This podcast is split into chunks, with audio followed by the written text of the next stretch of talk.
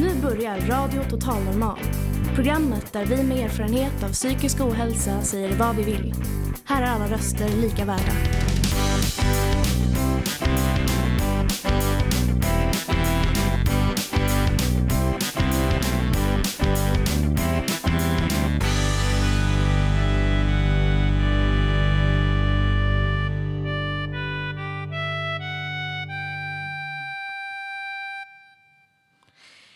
Hej och hjärtligt välkomna till Radio Total Normal, ditt psyke i etern. Som vanligt hittar ni oss på 101,1 MHz i Stockholms närradio. Vi sänder från matsalen Fountain House Stockholm och framför mig har jag en härlig publik. Igår var det kvinnodagen och vi har en liten spin-off på den. Vi har valt låtar och samtal med kvinnor och deras, som har att göra med deras kamp att göra. Bland annat gästas vi av Elin Linds och Daniel Östersjö som är aktuella med tonsatta texter av Kristina Lund på skivan Galopp Galopp. De, den har fått fina recensioner i DN och andra tidningar. Vi ska även få höra vad moderna tiders häxor gör. Vi har nämligen bjudit in Hella Natros Bös som faktiskt är en häxa här mitt på Södermalm i Stockholm. Våra medlemmar berättar till exempel hur det är att fronta ett band som kvinna om en mormor som kämpade med att fly undan nazister under andra världskriget och en massa annat. Vi har dessutom Eh, som sagt valt en massa härliga låtar av sådana som vi tycker är coola, tuffa och hårda tjejer med hjärtat på rätt ställe. Jag som är dagens programledare heter Elinor och jag säger som jag alltid brukar säga Let the music do the talking.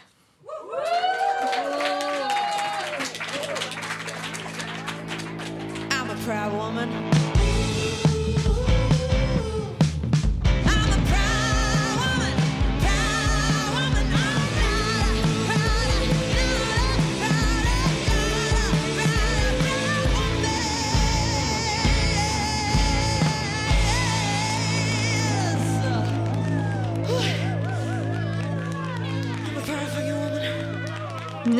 Hörde Proud Woman med Blues Pills, en personlig favorit. Nu har vi dagens gäster på plats. Elin Lund och Daniel Östersjö som ska tolka Kristina Lund. Jag lämnar över till Staffan som ska presentera dem lite ytterligare. Välkomna Elin Lyth och Daniel Östersjö. Tack så mycket. Eh, ni har varit med tidigare i radion, men för de som missat, kan ni beskriva lite kort vilka ni är? Eh, jag heter Elin Lyth, jag är vis och folksångerska. Jag har jobbat med Daniel i några år nu. Eh, det var ganska länge sedan jag var här, men du har varit här nyligen. Ja, jag heter Daniel Östersjö och är musiker och låtskrivare. Och eh, jag var här för ja, i höstas när jag släppte mitt Beppe Wolgers album. Ni är aktuella med skivan Galopp Galopp där ni tolkar texter av Kristina Lugn. Ni ska strax berätta mer om det här projektet men först ska ni spela en, en låt från skivan. Varsågoda. Ja, tack så mycket. Det, blir, eh, det finns en massa kvinnor i min ålder som är från en diktsamling som heter Hundstunden. Det är Daniel som har skrivit musiken och Kristina Lugn som har skrivit texten.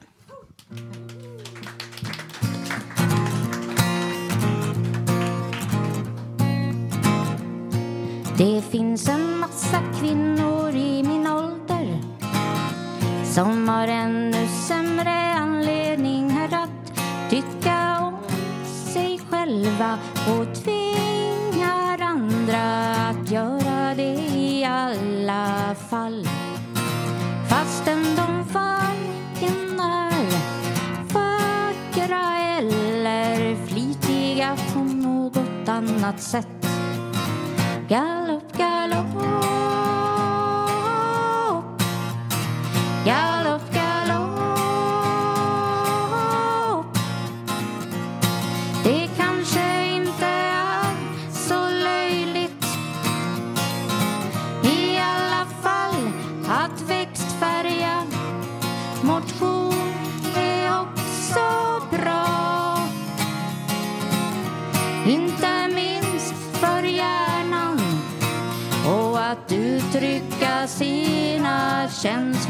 i keramik.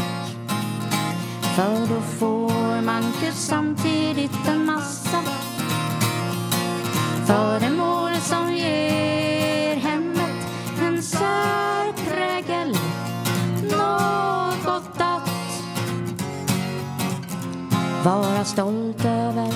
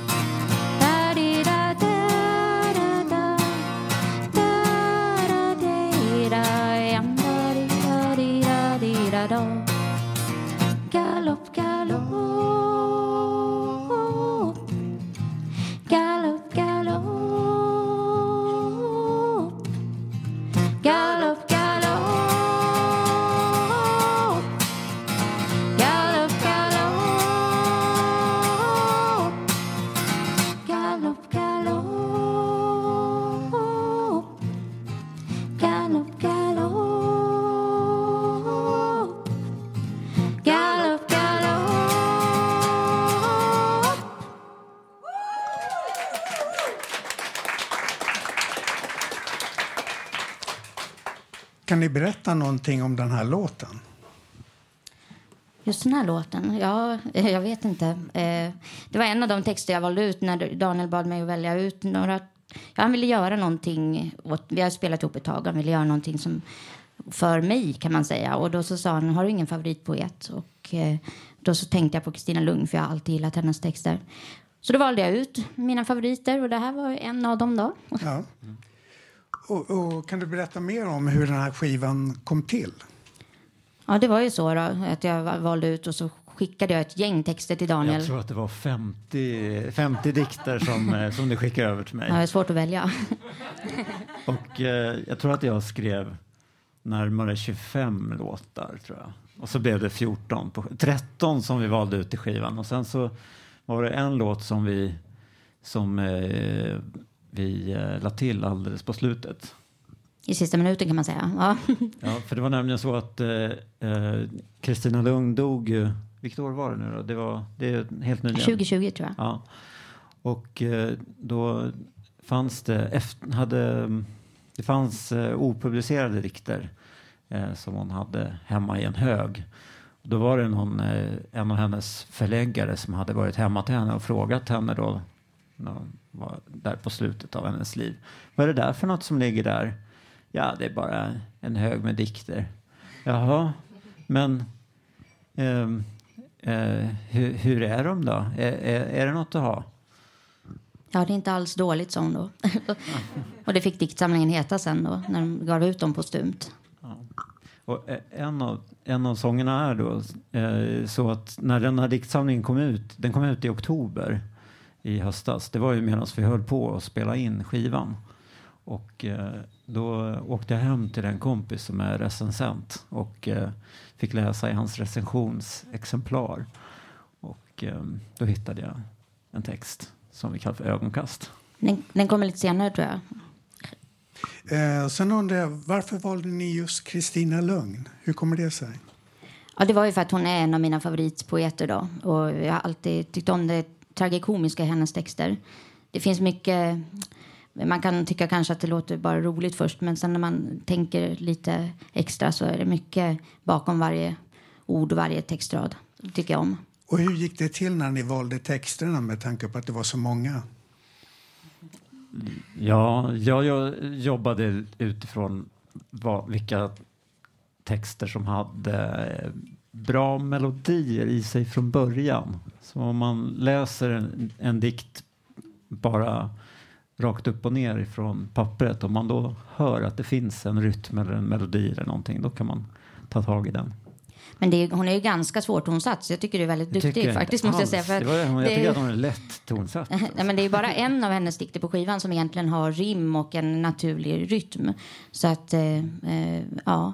Men då har jag liksom hittat en, en, eh, ja, en ton i varje dikt, tycker jag. Eh, sen som passar. låtarna har fått lite olika eh, karaktär beroende på vad det är för något innehåll i texten. Så en är som en psalm och en är som en gospel och en är lite mer, den här som vi spelade nyss, den är ju lite mer galopp eh, eh, vilda västern-rytm i liksom sådär. Så man får göra lite, man får göra lite som passar just texten. Jag tänkte på att du, du har ju tonsatt eh, dikter av Beppe Wolgers. Var det någon skillnad mellan Beppe Wolgers och det här projektet?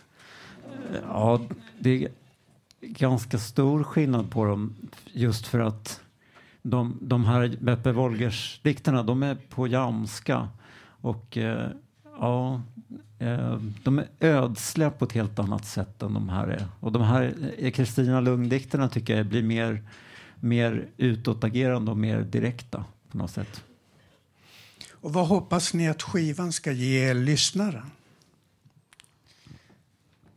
Ska man säga. Ja, vi tittar på varandra här. Men, men, eh, men eh, jag, jag hoppas ju att det ska ge en, ett gott skratt först och sen att man, som Elin var inne på här, att, eh, att när man sen skrattar en stund åt de roliga och drastiska formuleringarna så ska man, så ska man eh, ja, gripas av allvaret som också finns. Ja, att man kan lyssna på skivan många gånger och hitta mycket nytt varje gång. Och, och, att, och att den här musiken då kan ge en ingång till Kristina Lunds poesi. För att eh, det är verkligen en eh, skattkammare. Vi har ju bara skrapat lite på ytan. Det finns eh, en eh, jättetjock bok med alla hennes diktsamlingar som bara ligger och väntar på dem som inte har upptäckt den. Och vad, vad tror ni att eh, Kristina hade tyckt själv om den här skivan? Jag hoppas att hon hade tyckt om den. Galopp, galopp. Okej. Eh, vad, man, vad kan man höra er eh, eh, om man vill höra mer av er? Ja, imorgon till exempel ska vi spela i Gnesta. På en kultur, eh, kulturställe där. Och på söndag ska vi spela på Visans vänner. Sen i maj ska vi spela på Runells. Kommer du Ja. ihåg datum? Eh, kanske 16 eller något sånt. Jag tror det. Tror jag. 16 maj. Ja, men det går att hitta vad vi ska spela på eh, våra hemsidor och sånt. Och vad ska ni sjunga härnäst? Ja, nu blir det den här ögonkast som är då ifrån eh, hennes eh, efterlämnade dikter. Jag tycker ju att det det är roligt att man kan ge ut dikter fast man inte lever längre. Varsågod.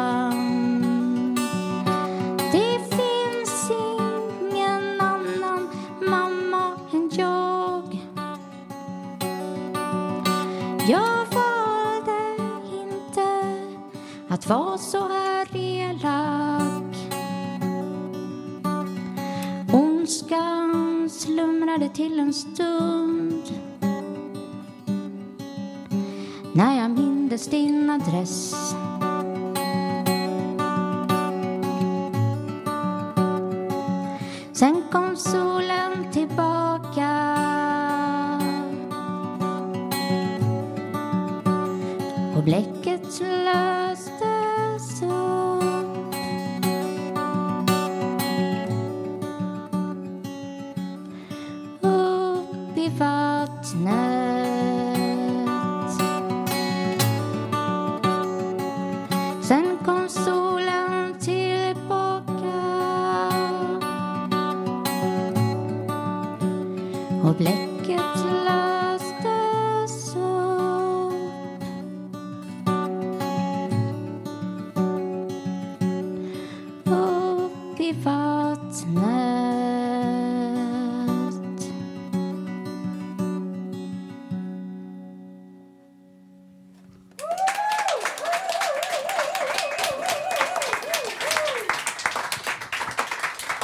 Tusen tack E- Elin Lyns och Daniel Östersjö. Tack så mycket.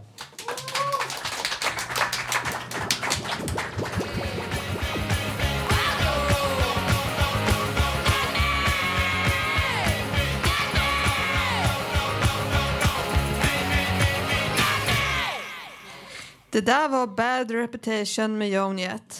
Och nu mina vänner har det blivit dags att träffa en annan figur som kanske inte haft världens bästa rykte genom tiderna. Nämligen häxan. Här har vi en livslevande häxa, Hella Notuts Bös. Varmt välkommen. Du ska intervjuas av Malin. Varsågoda. Tack. Tack så mycket.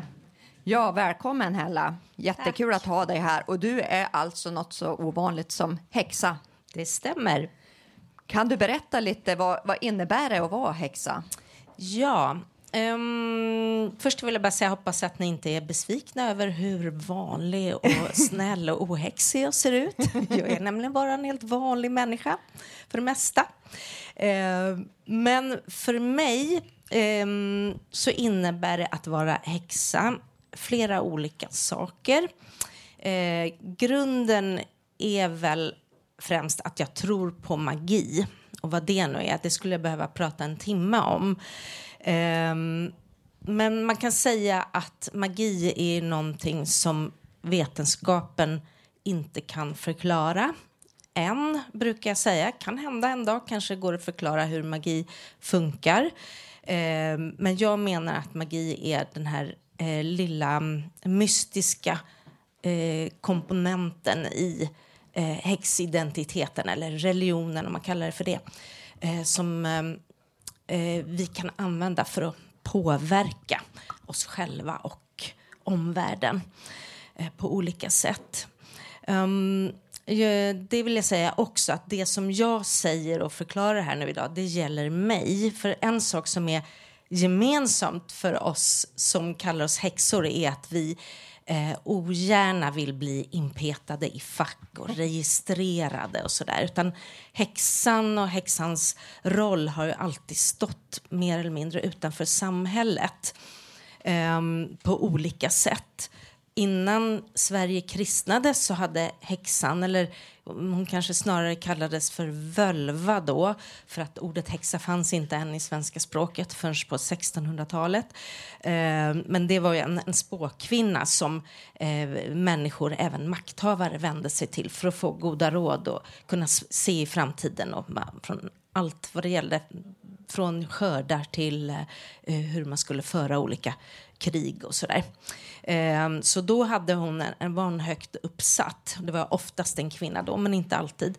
Ehm, och sen eh, fram, från 1400-talet och fram här i Sverige från 1600-talet så började man eh, demonisera och svartmåla den här kloka gumman och ja, spåkvinnan. Ja, för, precis, för du håller på med ett projekt nu där du, tänk, där du håller på att försöka få ett minnesmärke för de som blev faktiskt brända i Sverige. Kan du berätta om det projektet? Ja, lite? det här minnesmärket eh, det ska vara ett minnesmärke över de eh, åtta kvinnor och några eh, till som var vittnen i de häxprocesser som pågick här i Stockholm. Eh, det finns minnesmärken på några andra platser i Sverige över de som eh, avrättades där, men det här gäller då de som avrättades i Stockholm. Och det är inte alls långt härifrån där vi befinner oss just nu. Det är bara eh, några kvarter på andra sidan eh, Renstjärnas gata, ovanför Fjällgatan på Stigberget som det heter. Där låg eh, avrättningsplatsen, den stora galgbacken på 1500 och 1600-talet. Innan dess låg den ju faktiskt bara här, ett kvarter ifrån. Men sen flyttade den dit eh, och där 1676 så avrättades eh, åtta kvinnor som man påstod var häxor då, eller trollkonor som man mest sa då. Och vad var det för kvinnor egentligen? Vad grundade man det på? Ja, det var lite blandat och det gäller även de andra häxprocesserna här i Sverige då att de flesta som avrättades, det var ett, ett fåtal män också, de var helt vanliga människor som eh, eh man kanske ville ha Eh, ur vägen av olika skäl. Det kunde handla om arv eller eh, svartsjuka eller bara att man tyckte att de var konstiga. Man har sett, eh, det har forskats ganska mycket av historiker och sådär om eh, vilka som riskerade att utpekas som häxor och trollkonor då. Eh, och då har man kunnat se att det fanns vissa riskgrupper eh, och det var just personer som bröt mot normen, alltså som stod och utanför eh, samhällsnormen. Det var personer med handikapp, eh, psykisk ohälsa eh, och som man då på den tiden trodde berodde på att man var besatt av, kanske hade blivit, eh, fått en förbannelse över sig eller var besatt av demoner på, av olika skäl. Eh, det var personer med utländsk härkomst eh, som främst var finländare då, eller det, tyskar, det fanns inte så mycket andra invandrare här. Eh, och eh, äldre kvinnor. Eh, och ehm, av de här åtta som avrättades här så vet man att åtminstone två av dem höll på med eh, mediciner, gjorde mediciner till andra. Eh, och den kanske kändaste av de här offren här i Stockholm hette Malin Matsdotter. Hon var invandrad från Finland just och eh, var barnmorska och eh, klok gumma och drev en badstuga här i kvarteren. Um, och varför man ville liksom anklaga just henne för att vara häxa vet vi inte riktigt men säkert hängde det ihop med de här olika, hennes personlighet och, och vad hon sysslade med.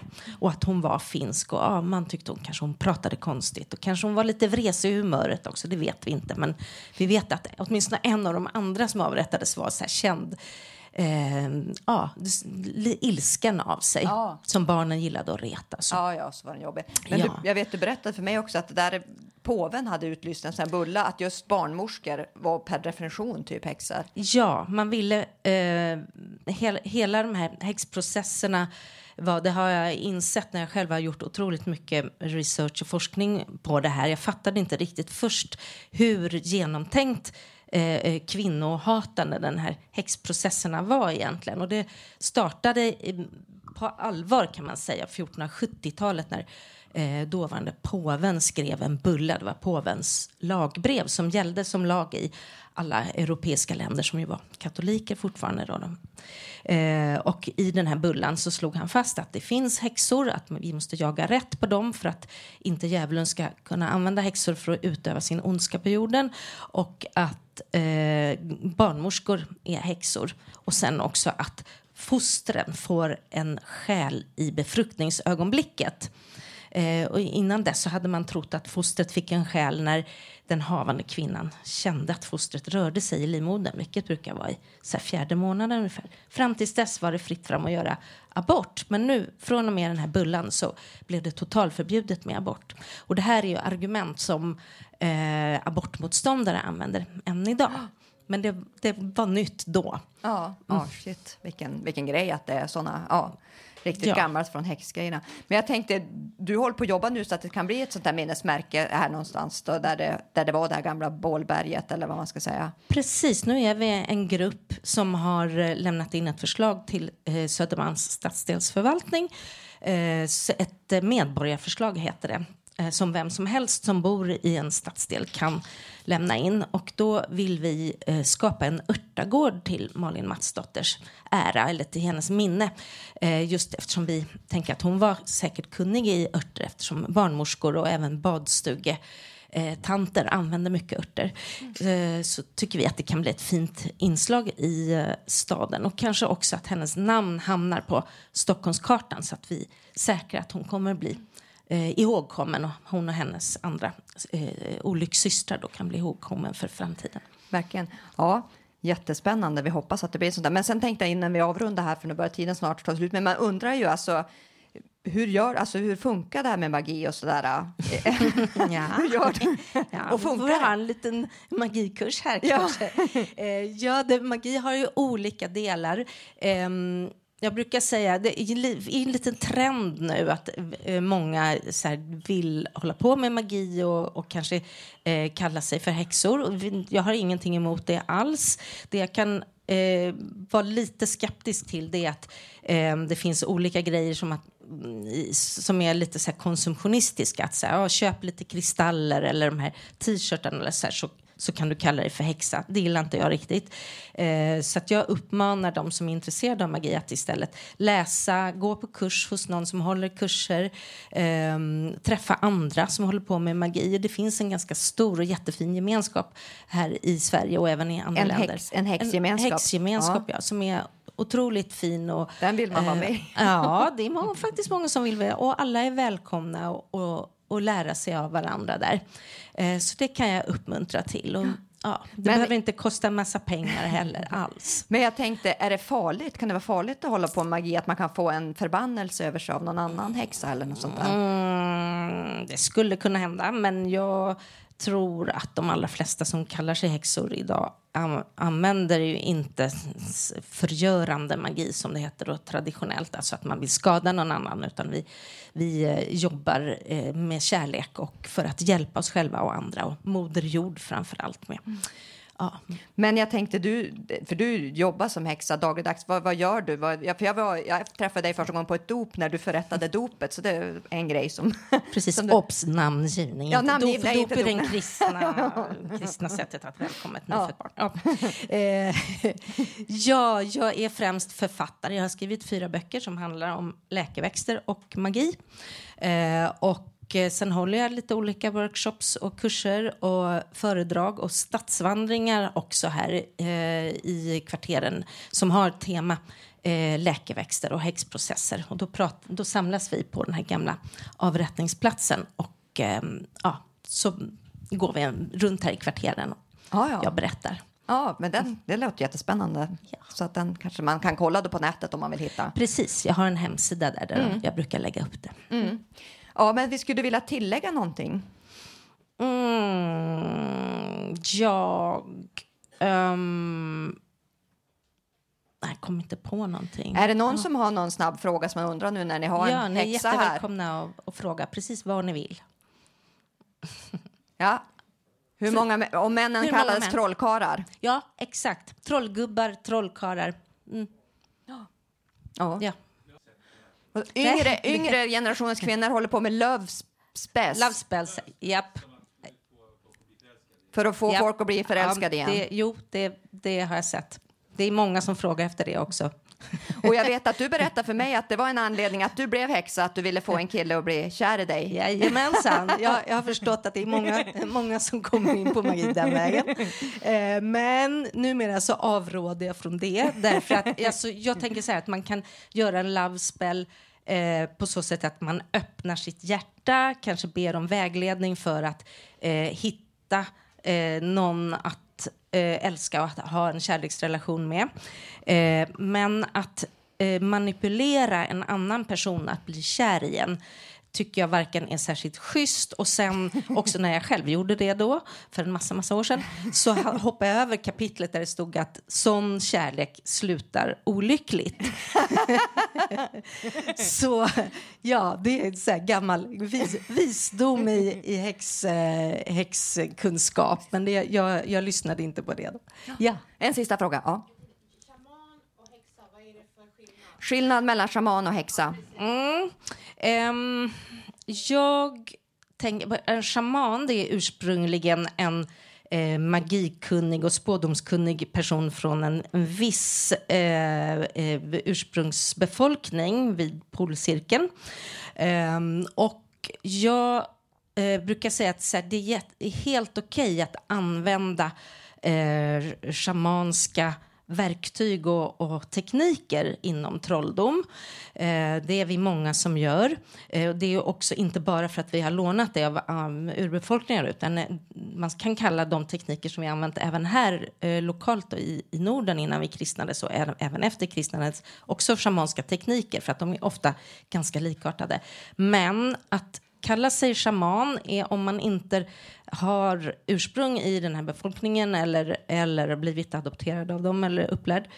Det är lite, mm, jag vet jag kan få hat och hot nu av det, på grund av att jag säger det här men jag, jag tycker kanske inte att det är helt okej.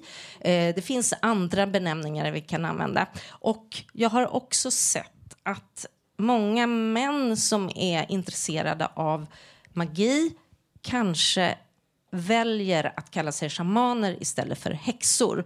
Ehm, det här gäller naturligtvis inte alla.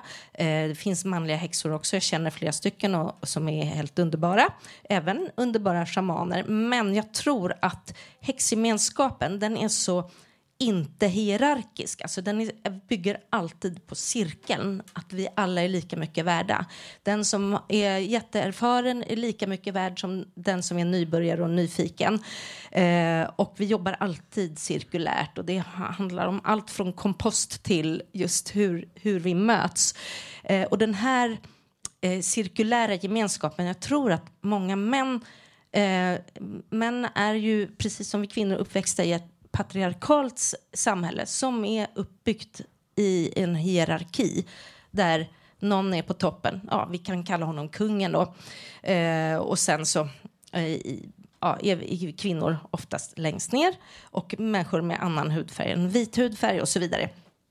Och den här hierarkiska strukturen tror jag att män generellt känner sig mer hemma i. Eh, det verkar som att män blir förvirrade när, i den här cirkelgemenskapen. Ja. Här kommer jag och kan massor och, och så här, gått alla de här shamankurserna och sen så eh, får inte jag vara guru här nu. Så här, mm, då, vad, vad är då för mening? Kanske inte ens får ligga heller, som det här var min plan. ja, lite så. Nu var lite elak nu, men Precis. i alla fall. Men, men, nu måste vi också börja Ja, nu börjar avrunda. vi avrunda. Mm. Så att, men jättefint. Tusen tack. Så tack. får vi kolla, kolla efter häxgemenskapen på nätet ja. om man då är intresserad. Så ja, tusen tack. Tack så mycket för att jag fick komma. Du vad du gör? Du, du lyssnar på Radio Total Hej Dilian! Du har som kvinna frontat ett band. Det låter spännande. Nu ska du få berätta hur det var. Okej, tack så mycket. Ja, jag är kvinna och jag vet vad en snippa är.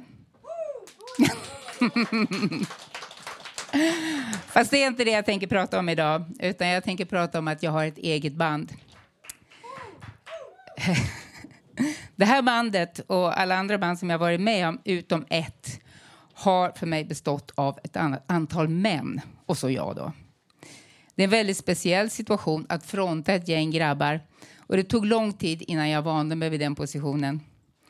Det började med att jag blev inbjuden att delta i en musikcirkel med bara grabbar. Ledaren var rockmusiker och min respekt för honom var enorm.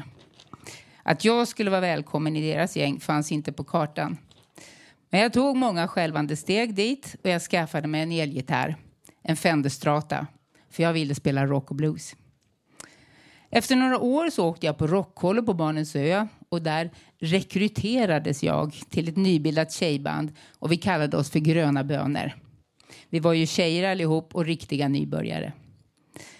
Vi var väldigt jämlika och vi hade ingen ledare. Vi hade mysiga möten där vi kom upp med låtförslag och idéer till gig. Vi höll på några år och hade väldigt kul hela tiden. Men när jag fick fibromyalgi så fick jag tyvärr lov att hänga av med gitarren. Jag fick för ont av den, hur mycket jag än försökte. Det var en stor sorg för mig. Men jag längtade fortfarande efter musiken och jag behövde ett instrument som inte vägde så mycket. Och det blev stämbanden. Så nu började min så kallade sångkarriär. Jag älskar blues, men det är också den musikgenre som jag har störst respekt för. Det är endast tre ackord och de ska man göra intressanta hela tiden. Det måste vara äkta, komma inifrån och beröra. Jag hade svårt att hitta förebilder. Jag skulle tro att minst 95 procent av bluessångarna är män. Och de bor inte i Stockholm och inte heller i Sverige. Jag var tvungen att hitta bluesen i mig själv och låta den ta plats.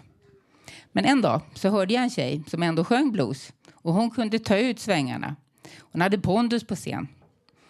Så jag gick upp till henne och frågade om hon kunde lära mig att sjunga blues. Eh, ingen lärare, sa hon. Eh, men jag bad henne ändå, men försök att lära mig som du sjunger i alla fall. Då. Sagt och gjort. Så jag tog väl de fem lektioner och nu kände jag att jag hade hittat något. Hon lät mig också hoppa in i ett gig hon hade på Stampen en kväll. Och jag tror aldrig i mitt liv att jag har varit så nervös. Benen skakade och jag kunde knappt andas och jag hade någon typ av tunnelseende.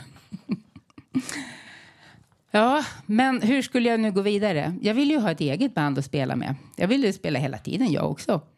Så jag hängde ute på musikställen en hel del ett tag. Och när jag hörde någon som spelade som jag gillar så frågade jag honom om han ville vara med och bilda ett bluesband med mig. Än idag så fattar jag inte var jag fick det där modet att ragga musiker ifrån. Men det var liksom glädjen som drev mig. Och till min stora förvåning så sa flera ja. Och snart hade jag fått ihop ett band. Bandnamn är ju viktigt och jag fastnade för Blues Injection. Och de andra köpte det. Det heter vi fortfarande. Nu hamnade jag i en helt annan position än när jag spelade elgura. Då var min plats snett bakom sångerskan och det var och är fortfarande min favoritposition. Men nu skulle jag stå längst fram och ha alla dessa skickliga manliga musiker bakom mig. Det kändes också väldigt svårt på grund av att jag var nybörjare och utan utbildning. Medan de i regel var lite äldre och hade spelat hela livet. Jag kände det som att jag hade en alldeles för stor kostym. Men jag sjöng på så gott jag kunde och jag kände verkligen att jag var en i gänget. Men det har inte alltid varit lätt. Jag blev uppraggad att ingå i ett jazzband i många år. Fem drivna musiker och jag. Här fick jag känna på det klassiska fenomenet för kvinnliga sångerskor. De blir ofta väldigt styrmodligt behandlade. Eh, de betraktas ofta som andra klassens musiker. Det är lätt att till slut tycka att nej, men jag bara sjunger. Och jag har hört mig själv säga det många gånger, men numera så biter jag mig själv i tungan. Jag ser mig mera som musiker. Jag gör ljud och mitt instrument är stämbanden. Som sångerska så blir man ibland sedd som ett nödvändigt ont. Som om vi vore en lägre kast. Alla vill spela, mycket. Och att ha en, en solist som tar tid, det tar, en solist, det tar tid för de som vill spela. Framförallt vill alla ha solon och låtarna blir lätt långa. Och till deras förtret så gillar jag att improvisera, när det gäller jazz i alla fall. Och då tar jag ju ännu mera tid i anspråk. I jazzbandet blev det så spänt att jag fick lov att avstå varannan vecka för att främst saxofonisten inte fick spela tillräckligt mycket. Att han hade fyra andra band hindrade inte att han alltid var spelsugen. Så att försöka ta sig upp på stampen på bluesjammen, det, det är något som man gärna vill göra, men det är sannerligen inte lätt. Det är som att man inte syns. Hur mycket man än viftar med handen så, så syns man inte. Och förutom att jag då inte egentligen gillar att stå längst fram så ska jag också hålla låda mellan låtarna så att alla trivs.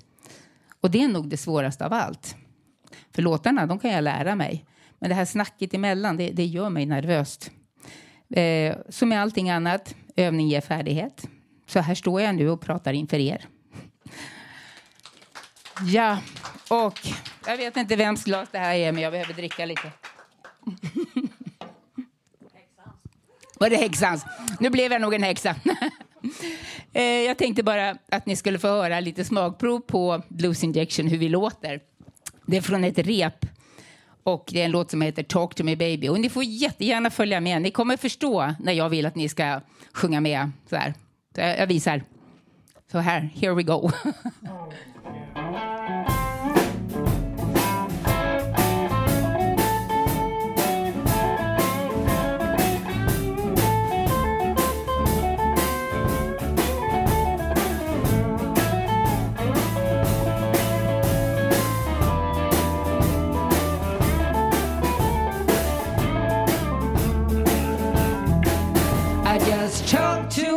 baby on the telephone. I said, telephone, baby, and please come home. But I can't hold out, can't hold out too long. No, no, no.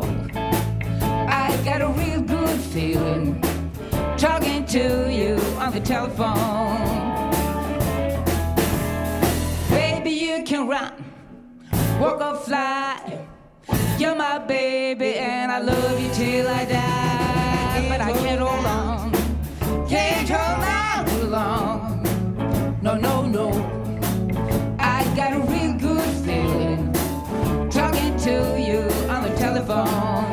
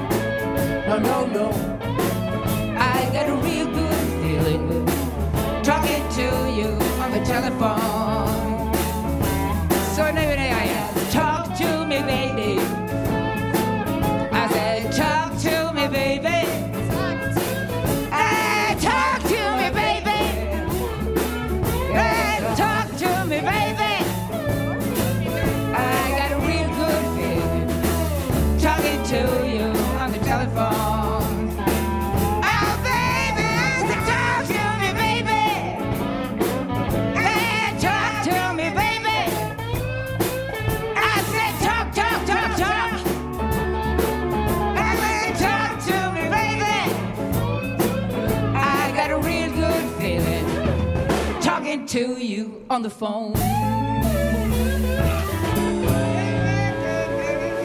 Tack så mycket. Tack. Vi hörde alltså Lilianne med bandet Blues Injection med låten Talk to me baby. Tusen tack! Tack. Får jag säga att om ni vill så kan ni lyssna på oss den 25 mars på Gröna Dalen, restaurang Gröna Dalen, Grönadalscentrum. Tack.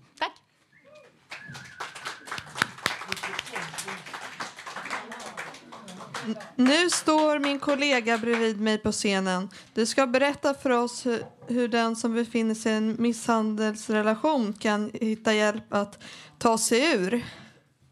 Uh, ja. Kvinnofridslinjens telefonnummer syns runt omkring oss. Det är bara att ringa om du vill. Men det är inte alltid så lätt. Att vara en kvinna i Sverige som lever i en hotsituation med fysisk våld samt psykisk tortyr som verbal förnedring verkar omöjligt. Men tyvärr förekommer det oftare än man tror. Att leva kontrollerad, isolerad och i konstant rädsla varje dag enbart för att överleva är inte att leva. Förtrycket kan leda till en känsla av maktlöshet och dessvärre kan det leda till acceptans av situationen och till och med tron på att man förtjänar detta. Nej, ingen förtjänar att leva i sådana förhållanden. Följande är en beskrivning ur mitt förflutna som jag helst vill glömma. Jag fick bo på ett skyddat boende i fyra månader men tyvärr var bevisen mot gärningsmannen inte tillräckligt övertygande och därför kunde jag inte få mer hjälp eller bo kvar på det skyddat boende. Jag fick återvända hem och onda cirkeln började där jag hade trott att jag hade lämnat den. Andra gången fick jag hjälp till en skilsmässa fast ännu en gång placerades jag tillbaka i vårt hem. Hotbilden eskalerades och dessvärre gifte jag mig ännu en gång med honom av rädsla. Du är min fru och en fru lämnar aldrig sin man, fick jag höra. Tredje gången gilt. Polis, polisen var på min sida och lyfte fram att jag var i en allvarlig hotsituation. Då fick jag hjälp på riktigt. Jag bodde igen på ett skyddat boende och fick en till skilsmässa. Jag fick skyddad personuppgifter och flyttade. De flesta av mina saker i lägenheten blev kasserade därför de trodde att hotbilden var så hög att en flyttbil skulle kunna spåras. Därmed fanns det risk att min nya adress skulle avslöjas. Jag hade kvarskrivning också. Han fick fängelsestraff för kvinnofridskränkning. Detta hände under eh, lite över en sjuårsperiod. Sedan dess har jag stegvis jobbat på att återbygga mitt självförtroende och min självkänsla. Återhämtningsprocessen har inkluderat att jag har arbetstränat, jobbat och praktiserat och fortsätter med detta. Det är inte enkelt när man inte kan eller vill förklara varför CV har en lucka på flera års tid. Men jag fortsätter och jag tänker inte ge upp. Vi har alla en del i livets spel och tar ansvar för det mer eller mindre. Kvinnofridskränkning leder till ett fängelsestraff. Jag vill tydliggöra att slå någon är olagligt här i Sverige oavsett vad man tror på. Provokation kan uppstå men en våldsam reaktion är olagligt. För mig hade det hjälpt om grannar hade ringt polisen när de hörde skrik. Om personalen på förskolan hade larmat. Om någon som märkte situationen överhuvudtaget hade försökt hjälpa mig.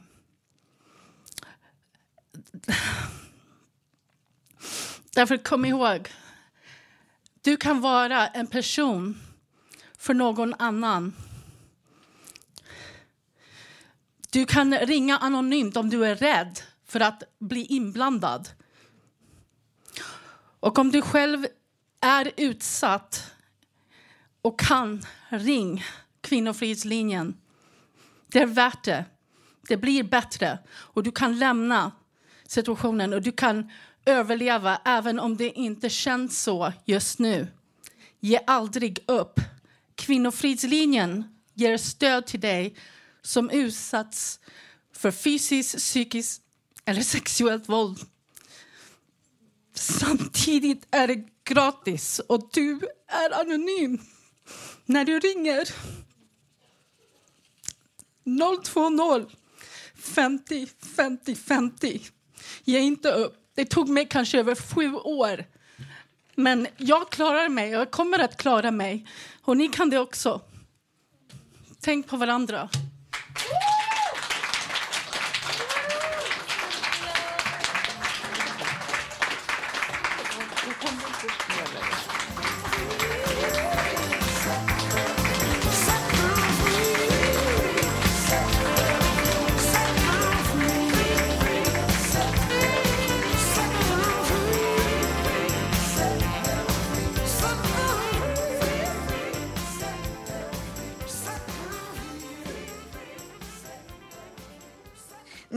Graciela vid min sida, kvinnorättsaktivisten.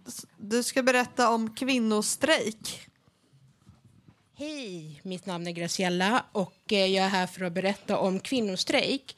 Det är en organisation som finns över hela Sverige och varje fredag så kvinnostrejkar vi. Vi är både kvinnor och män som eh, strejkar för att få Eh, de som inte får sina röst hörda, både kvinnor och barn som har utsatts för misshandel.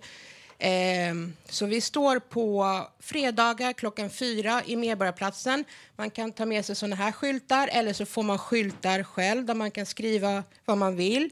Ehm, och eh, ja, jag eh, vill informera lite. Det är många kända aktivister och organisationer som kommer på fredagar för att vi vill få en förändring. Vi vill få att kvinnor och barn ska få mer hjälp. Att det ska inte vara så att eh, kvinnor och barn måste bo i skyddad, eh, skyddad boende och så förövaren får vara fri. Vi vill få att regeringen, politikerna, gör mer för misshandlade kvinnor och misshandlade barn. Eh, att ja, lagen blir hårdare för förövarna. För det känns som att förövarna får det ja, vi är kvinnor som får ta skiten eh, och sen så får förövaren... Ja, den kanske, den, vissa blir ju knappast dömda. Så jag ville bara komma hit och informera er för kvinnostrejk. Ni är jättevälkomna, både kvinnor och män. Fredagar, varje fredag. Och man, man, kan, man kan strejka över hela Sverige.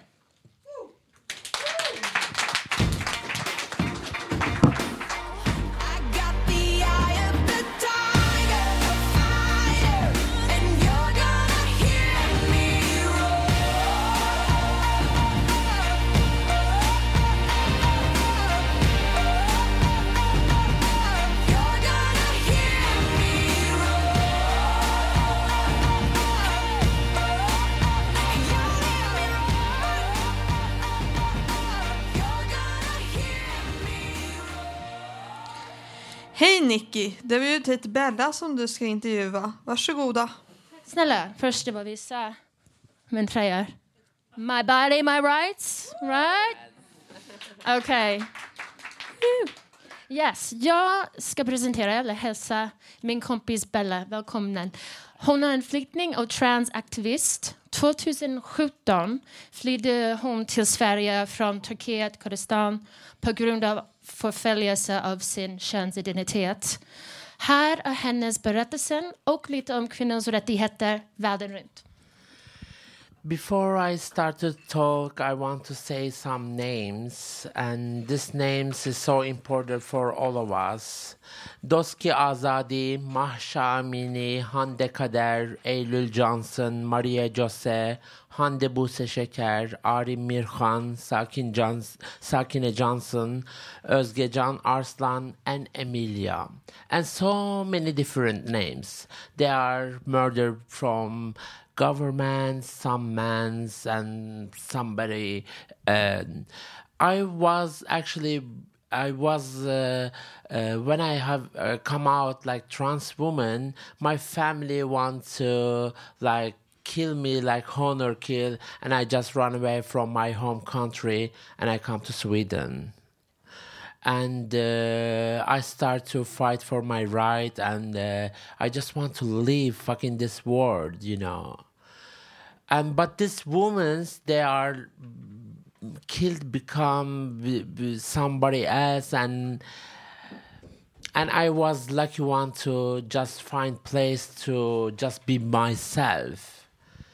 And when I come Sweden and I start to uh, build up my li- new life in here, and I really, really appreciate for uh, Sweden and all my friends and my family here, and I start to find myself and started doing art, making music and painting, and uh, I become new person and I understand when you have a freedom and when you like you can be yourself, you can creative anything what you want. And I start to create, and I start to make a music and play music and make people dance. And after I start to uh, painting and to uh, like uh, tell my story with art, and this is like um, uh, my like how my journey is going on now but um, in somewhere in the this world is some women's about them identity about them gender like uh, somebody's like kill them. And we have to be them voice. Even we are have a freedom. Even we are living in uh, somewhere we are feel safe. And I choose to be uh, one voice of all my sisters, and I want to say like uh, uh, in Kurdish we say Jinjian Azadi is mean uh, freedom life women's and always like I I believe this like slogan is like Jinjian Azadi because woman is come from life and woman is give a life for all this world and all this world is have to appreciate all women doesn't matter what kind of woman you are trans lesbian bisexual intersexual or non-binary but um, i think so this slogan is like make a sense is now better and uh, like i say i'm now here i'm still in the process asylum process and uh, I do my music and I live my life and I don't kill somebody. I don't uh, say something bad for somebody, and I just like uh, I be myself, like Bella, and Bella finds her uh, home in Sweden. And she doing so great job, and I know there is has a, so many different Bellas waiting to do something good, and we have to open way for them. We have to uh, really, really support them. And uh, last and least, and I say Jinjian Azadi, uh, woman life freedom. Yes, Bella. If I can quickly say, I can quickly say, you can find Bella. She is a talented in many, many ways performer, DJ, uh, painter. Uh, Instagram at Bella at art underscore from at Bella. Uh, you can hear her at Club Backdoor, among other places all around. Listen to her on Spotify at Miss K. Thank you very much, Bella. You are strong, Thank brave. you. I love you. You're beautiful. Tack så jättemycket.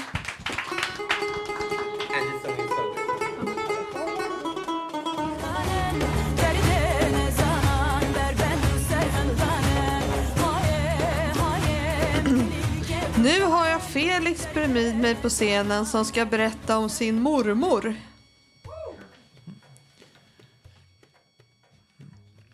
En annorlunda mormor. Ett kvinnoliv.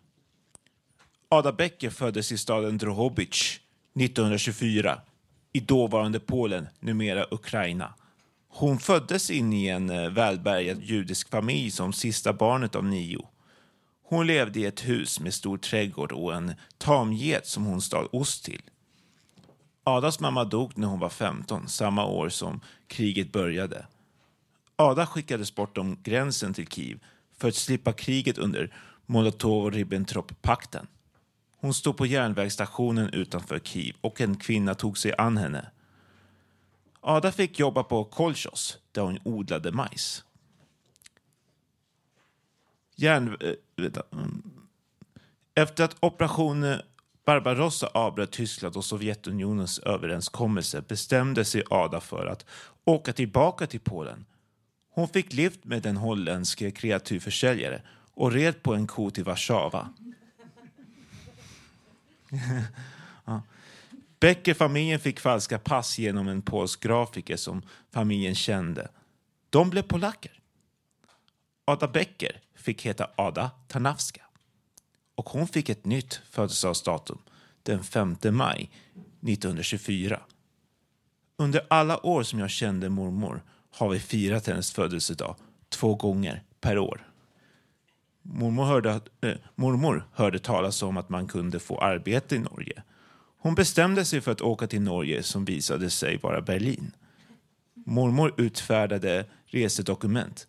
Hon förfalskade dokument och blev upptäckt och hamnade i fängelse i Wien och så småningom i ett koncentrationsläger, Ravensbrück. När mormor berättade om kriget så lät mycket som ett stort äventyr ända fram till att hon hamnade i Ravensbrück. Där tog äventyret slut. Mormor jobbade gratis åt Siemens och Hugo Boss och sedan var hon med och anlade en, en flygplats. På nätterna var det uppställningar. Kvinnorna stod i timmarna i vinterkylan. Folk dog, frös ihjäl. Mormor, förfrö eh, mormor förfrös händerna och hade sedan ont i dem resten av livet. Det fanns en gata mellan två hus.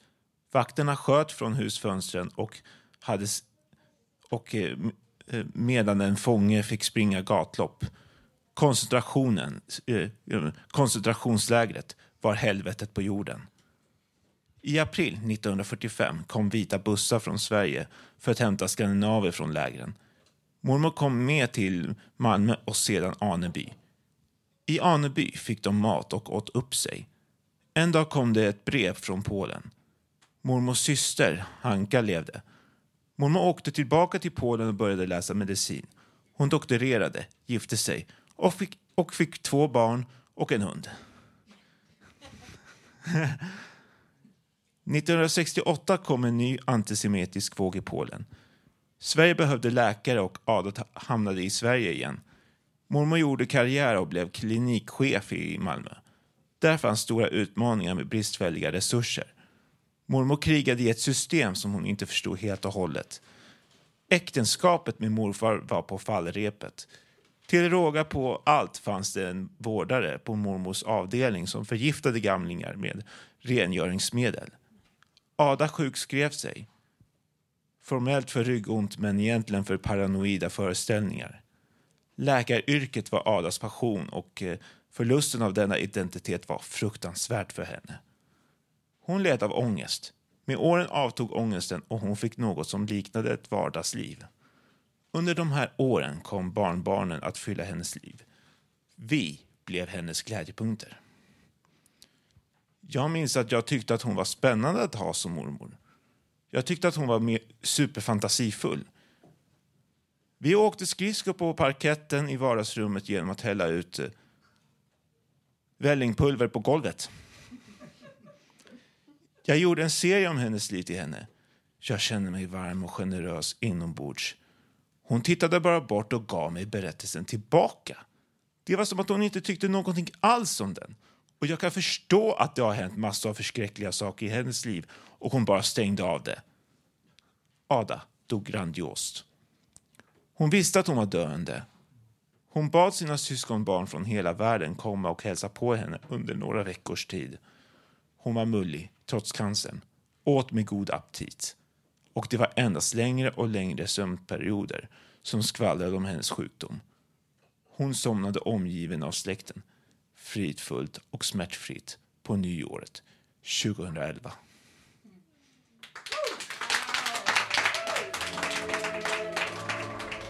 Mm.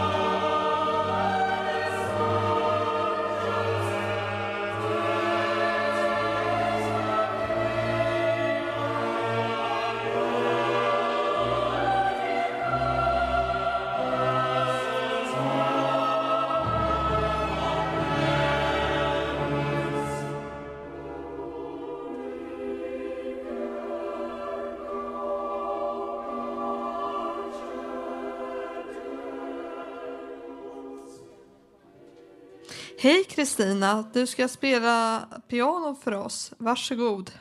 Tack. Jag bara tänkte säga så här att jag känner en eh, kapten i Lottakåren.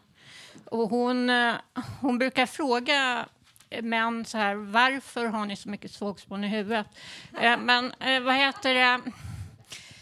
Eh, antingen är de bara brottslingar eller så kan det vara någonting att de känner sig hotade eller nedtryckta. Man får i alla fall inte använda våld på det sättet som vissa män, män gör. Jag ska spela en eh, låt, eh, en, en, eh, en, ett stycke av Irene Rodgers som har gjort en pianobok. Woo!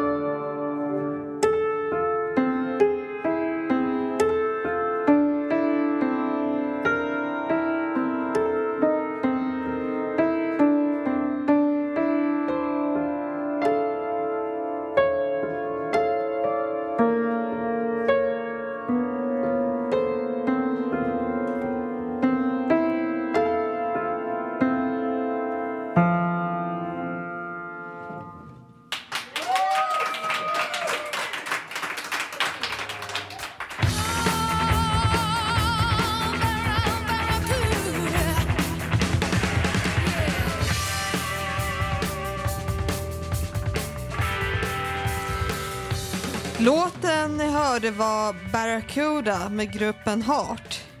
Det var bland eh, pionjärerna av kvinnliga rockmusiker på 70-talet. En tidsera inom musiken som jag är väldigt intresserad av. Och de kvinnliga rockpionjärerna ses som stora förebilder. Mitt bidrag i programmet, förutom att programleda, har varit att stoppa in dessa kvinnliga förebilder som en röd tråd genom hela programmets låtlista. Det var allt vi hade på att bjuda på idag. Nästa livesändning blir den 23 mars. Vill du vara med i programmet kan du höra av dig till info.radiototalnormal.se eller komma till våra reaktionsmöten på Fountain House, eh, Götgatan 38, måndagar klockan 11. Du kan alltid lyssna på oss via www.radiototalnormal.se.